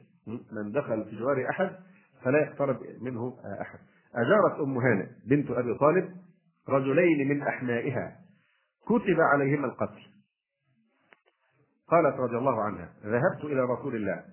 صلى الله عليه وسلم عام الفتح فوجدته يغتسل وفاطمة ابنته تستره بثوبه فسلمت عليه قال من هذه فقلت أنا أم هانئ بنت أبي طالب فقال مرحبا بأم هانئ فلما فرغ من غسله قام فصلى ثمانية ركعات هذه إيه؟ صلاة الفتح أو بعضهم يقول هي الضحى قام فصلى ثماني ركعات ملتحفا في ثوب واحد فلما انصرف قلت يا رسول الله زعم ابن امي علي انه قاتل رجلا قد اجرته واجرت الرجل يعني منعت من يريده بسوء وامنته شره واذاه ان ابن امي يا رسول الله زعم ابن امي علي انه قاتل رجلا قد اجرته انا ادخلت في جواري واضح ومع ذلك اخي علي يريد ان يقتله فلان ابن هبيرة فقال رسول الله صلى الله عليه وسلم قد أجرنا من أجرت يا أم هانئ قالت أم هانئ وذلك ضحى وفي رواية للترمذي أن أم هانئ قالت أجرت رجلين من أحمائي فقال رسول الله صلى الله عليه وسلم قد آمنا من أمنت وفي رواية أبي داود أنها أجارت رجلا من المشركين يوم الفتح فأتت النبي صلى الله عليه وسلم فذكرت ذلك له فقال قد أجرنا من أجرت وآمنا من آمنت وعن أم المؤمنين عائشة رضي الله عنها قالت إن كانت المرأة لتجير على المسلمين فيجوز كانت تجير أي واحد من هؤلاء الكفار فيجوز جوارها ولا يتعرض له أحد احتراما لإيه؟ لهذا الجوار وعن أبي هريرة رضي الله عنه أن النبي صلى الله عليه وسلم قال إن المرأة لتأخذ على القوم يعني تجير على المسلمين وعن عمرو بن شعيب عن أبيه عن جده رضي الله عنه قال قال رسول الله صلى الله عليه وسلم المسلمون تتكافأ دماؤهم المسلمون تتكافأ دماؤهم ويسعى بذمتهم أدناهم ويجير عليهم أقصاهم يعني أن أبعد المسلمين دارا يجير عليهم ويمنعهم ممن يريدونه إذا كان قد أعطاه بذلك عهدا آه، ويدير عليهم أقصاهم وهم يد على من سواهم أو كما قال عليه الصلاة والسلام ولما أثر المسلمون أبا العاص ابن ربيع وغنموا ماله فيما أثروا وغنموا وكان زوج زينب بنت رسول الله آه، صلى الله عليه وسلم إلا أن الإسلام فرق بينهما استجار أبو العاص بزينب رضي الله عنها فوعدته خيرا وانتظرت حتى صلى رسول الله صلى الله عليه وسلم الفجر بالمسلمين ثم وقفت على بابها في المسجد فنادت بأعلى صوتها إني قد أجرت أبا العاص ابن الربيع زوجها إني قد أجرت أبا العاص ابن الربيع فقال رسول الله صلى الله عليه وسلم يا أيها الناس هل سمعتم ما سمعت؟ قالوا نعم قال فوالذي نفسي بيده ما علمت بشيء مما كان حتى سمعت الذي سمعتم المؤمنون يد على من سواهم يدير عليهم أدناهم وقد أجرنا من أجارت فلما انصرف النبي صلى الله عليه وسلم إلى منزله دخلت عليه زينب فسألته أن يرد على أبي العاص ما أخذ منه ففعل أبو العاص بعد ذلك عاد إلى مكة فأدى الحقوق إلى أهلها ثم آه، آب إلى المدينة مسلما فرد عليه رسول الله صلى الله عليه وسلم زوجه زينب رضي الله تعالى عنها فهذه كرامة للمرأة ووضعيتها حتى انها تجير على كل المسلمين اذا اجارت شخصا وادخلته في جوارها الكل لابد ان يلتزم ويحترم هذا آه، الجوار اما كرامة سيرتها وصيانة اسمها فذلك ما لا نحسب شريعة من الشرائع حاطتهما بمثل حياطة الإسلام لهما وحسبك أن الله سبحانه وتعالى اشتد في كتابه الكريم على قاذف النساء في أعراضهن بأشد مما اشتد على القتلة القتلة وقطاع الطريق فقد قال الله سبحانه وتعالى في سورة النور والذين يرمون المحصنات ثم لم يأتوا بأربعة شهداء فجلدوهم ثمانين جلدة ولا تقبلوا لهم شهادة أبدا وأولئك هم الفاسقون فجعل للقاذف عقوبة ثمانين جلدة ثم دعم هذه العقوبة بأخرى أشد وأخزى وهي اتهامه أبد الدهر في ذمته واقتراح شهادته فلا تقبل له شهادة أبدا ثم وسمه بعد ذلك بسنة هي شر الثلاثة جميعا وهي سنة الفسق ووصمة الفجور فاجلدوهم ثمانين جلدة ولا تقبل لهم شهادة أبدا وأولئك هم الفاسقون ولم يكن كل ذلك عقاب أولئك الأئمة الأثمة الجناة فقد عاود الله أمرهم بعد ذلك بما هو أشد وأهول من تمزيق ألسنتهم التي خاضوا بها في عرض آه، المرأة المسلمة إن الذين يرمون المحصنات الغافلات المؤمنات لعنوا في الدنيا والآخرة ولهم عذاب عظيم يوم تشهد عليهم ألسنتهم وأيديهم وأرجلهم بما كانوا يعملون يومئذ يوفيهم الله دينهم الحق ويعلمون أن الله هو الحق المبين